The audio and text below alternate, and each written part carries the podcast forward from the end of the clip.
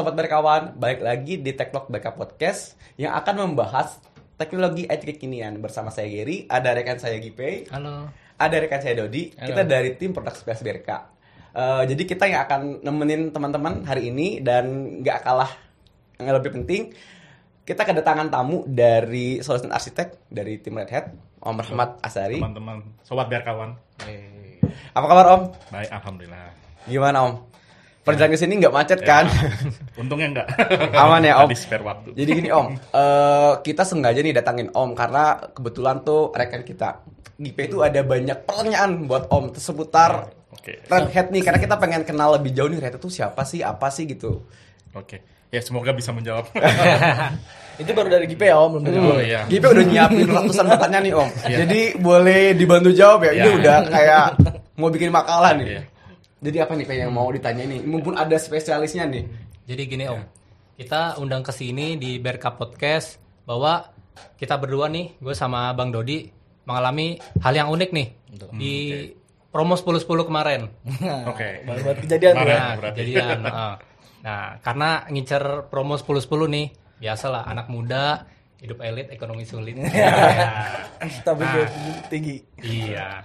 Nah, pas gua buka aplikasi nih, biasalah. Mungkin karena dari promo 99-nya tuh ya, pas masuk ke promo 10-10, minta update.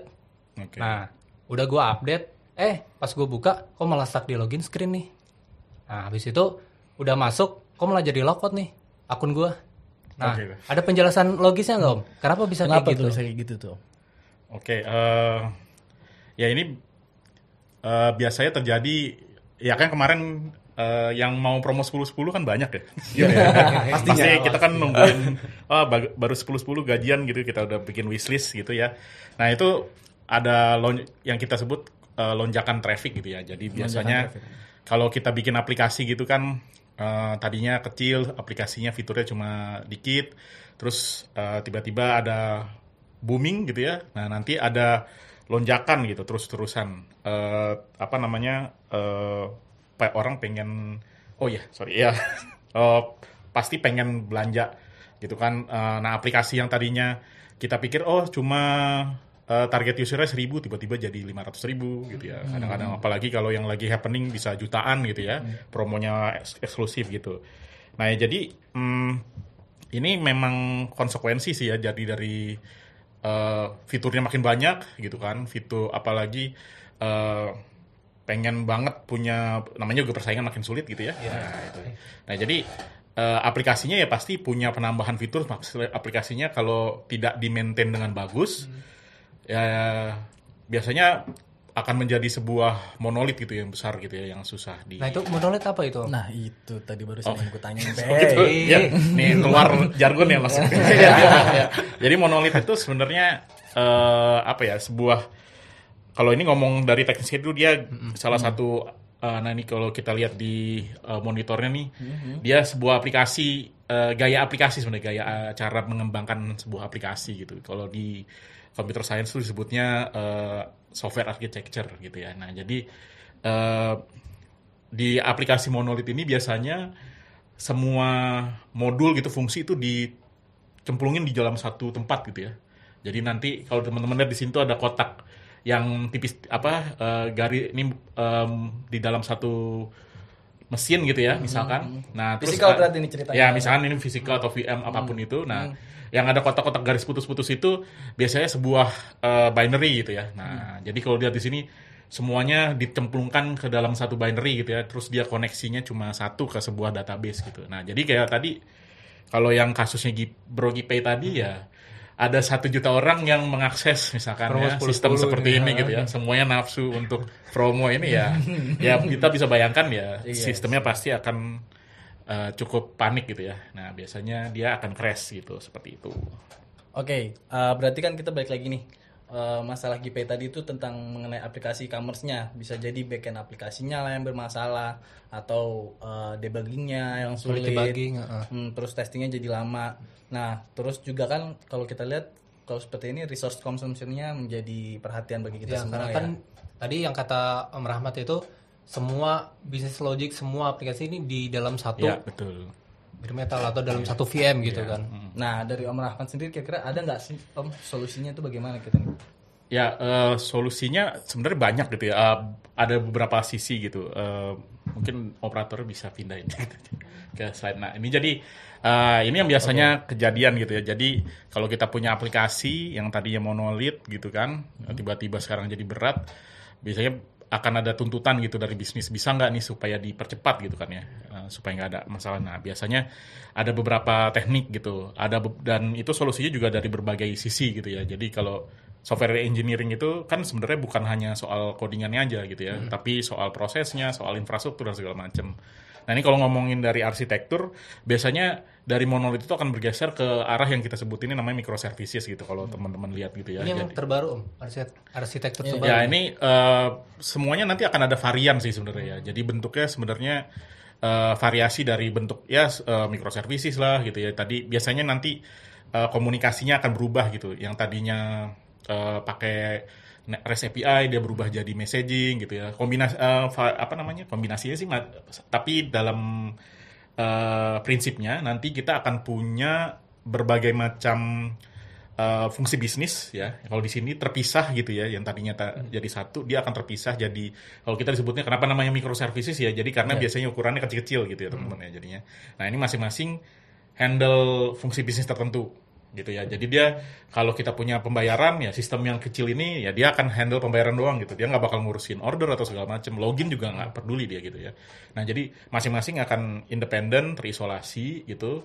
Nah nanti masing-masing punya data sendiri-sendiri yang saling eh, terisolasi juga. Nah gitu. Sorry Om gue potong. Berarti ini wah ini best practice banget nih maksud gua.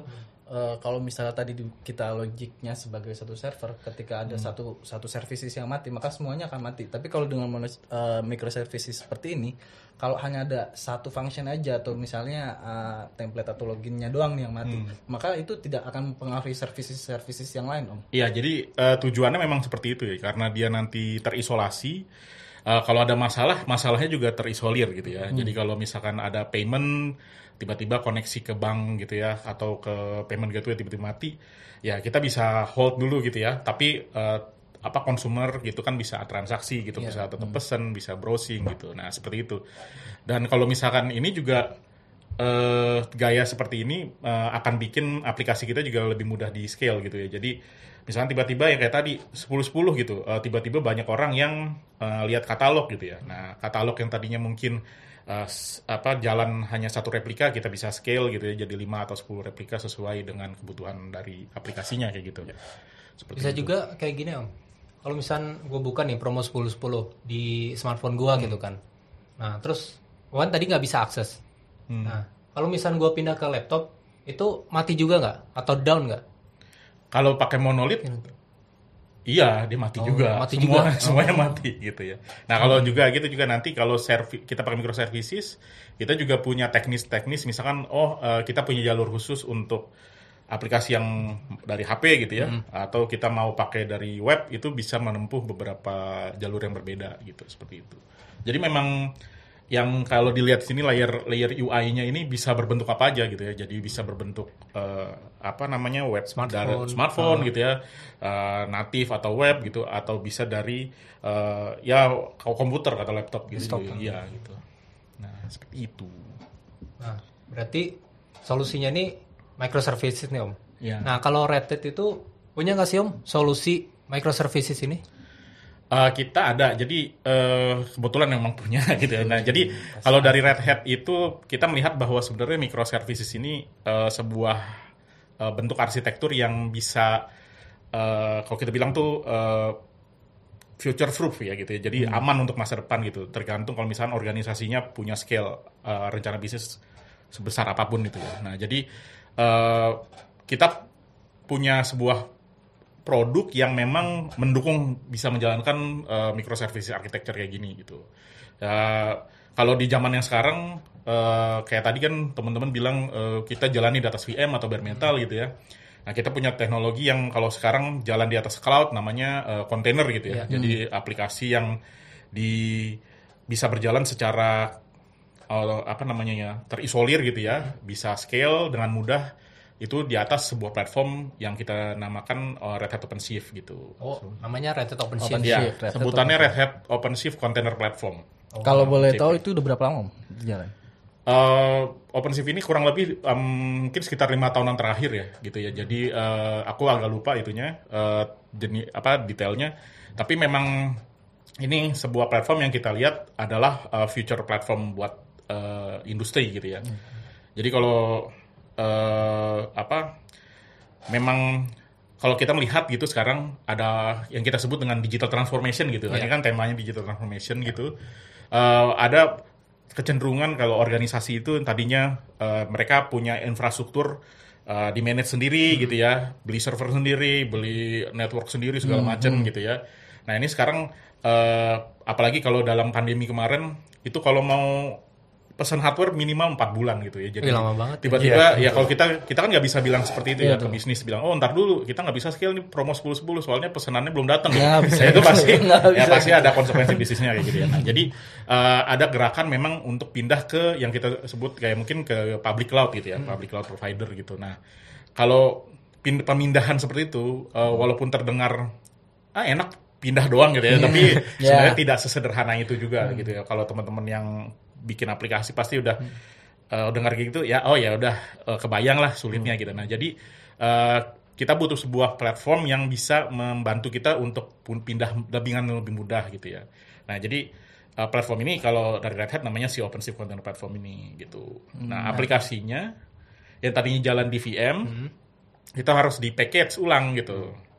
Nah, jadi yang namanya kita sebut container image gitu ya. Nah, jadi si container image ini mungkin seperti eh kalau dulu zaman saya tuh suka bikin MP3 MP3 lagu gitu ya. Iya, nah, iya. jadi kita bikin terus kita bikin ISO-nya gitu ya, terus kita eh, burn ke DVD gitu ya. Mungkin nanti kalau generasi Z bisa lihat ya. Iya. kalau sekarang kan Nggak masalah. kan tinggal streaming aja Mas. Iya, Nah, iya, kalau dulu iya, kita nggak punya kayak gitu. Nah, jadi nah itu uh, counter image mungkin seperti CD gitu ya. Nanti eh, dia bisa jalan kan ke mana aja asal eh, ada ada DVD playernya atau CD playernya. Nah, itu itulah eh, format kontainer gitu. Jadi dia bisa berpindah-pindah eh, ke semua tempat yang bisa mainin CD-nya itu gitu. Nah, salah satu pemain yang bisa memainkan CD itu adalah OpenShift gitu. Seperti itu gitu. Nah, sama ini Om. Itu kan tadi Om nyebutnya untuk industri gitu kan. Hmm. Berarti dari skala menengah sampai enterprise itu bisa Om pakai Red Hat OpenShift ini. Iya, jadi memang Red Hat itu kan spesialisnya untuk software enterprise gitu ya. Jadi eh, kalau pas kita kan terkenal gitu, oh ah, Linux berbayar gitu. Jadi gitu, itu udah biasa gitu kalau kita gitu.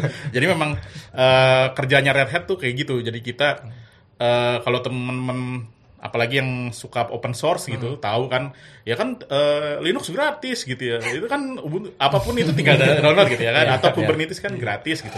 Nah tapi eh, kita tuh melakukan beberapa hal gitu ya di di untuk project tersebut gitu. Jadi eh, semua produk Red Hat itu pasti punya eh, pasangan open source ya kita sebut upstream open source-nya gitu. Nah, apa?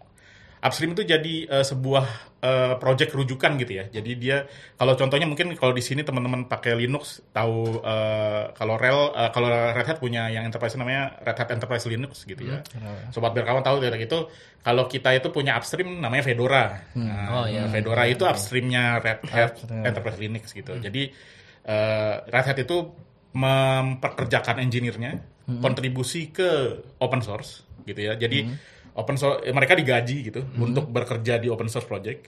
Lalu open source project itu kita tarik ke dalam eh, pipeline-nya Red Hat. Nah, di situ ditambahin tuh kayak ada testingnya gitu ya. Eh, kenapa kita bisa tahu punya testing sendiri karena kita punya customer enterprise yang pasti punya standar gitu ya. Iya. Kan misalnya kalau dari banking harus ada standar yang di itu. Nah, itu uh, software-nya dites gitu ya supaya bisa memenuhi semua tes itu gitu.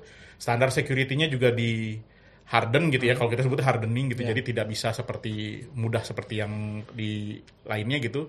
Nah, nanti karena kita punya software yang lain gitu ya eh, ada middleware-nya atau segala macam ya kita harus memastikan juga middleware-nya produk Red Hat itu juga jalan di atas yang lain gitu saling ngobrol gitu ya. Kan eh, lucu gitu ya. Jadi itu punya OpenShift tentunya nggak bisa deploy misalnya JBoss gitu. gitu kan. Jadi itu harus dipastiin kayak gitu. Jadi eh, itu itu yang kita sebut si Red Hat itu enterprise software company itu seperti itu gitu. Kan kadang-kadang oh saya pengen nyobain jalan. Oh tinggal pull aja kok gitu ya. Tinggal apa gitu. Nah, tinggal pull dari registry. Nah, itu kadang-kadang ada yang ngejalanin kontainer itu sebagai user root gitu atau sistem administrator nah gitu. Nah itu kalau image seperti itu dibawa ke OpenShift itu langsung diblok sama deblok gitu. Langsung OpenShift akan ngeblok gitu. Nah, ngomong-ngomong tadi soal Red Hat, itu kan biasanya rata-rata orang mikirnya gratis itu kan. Nah, kita bisa nggak sih Om nyoba atau tes lah, misalnya di laptop kita sendiri untuk deployment Red Hat OpenShift ini?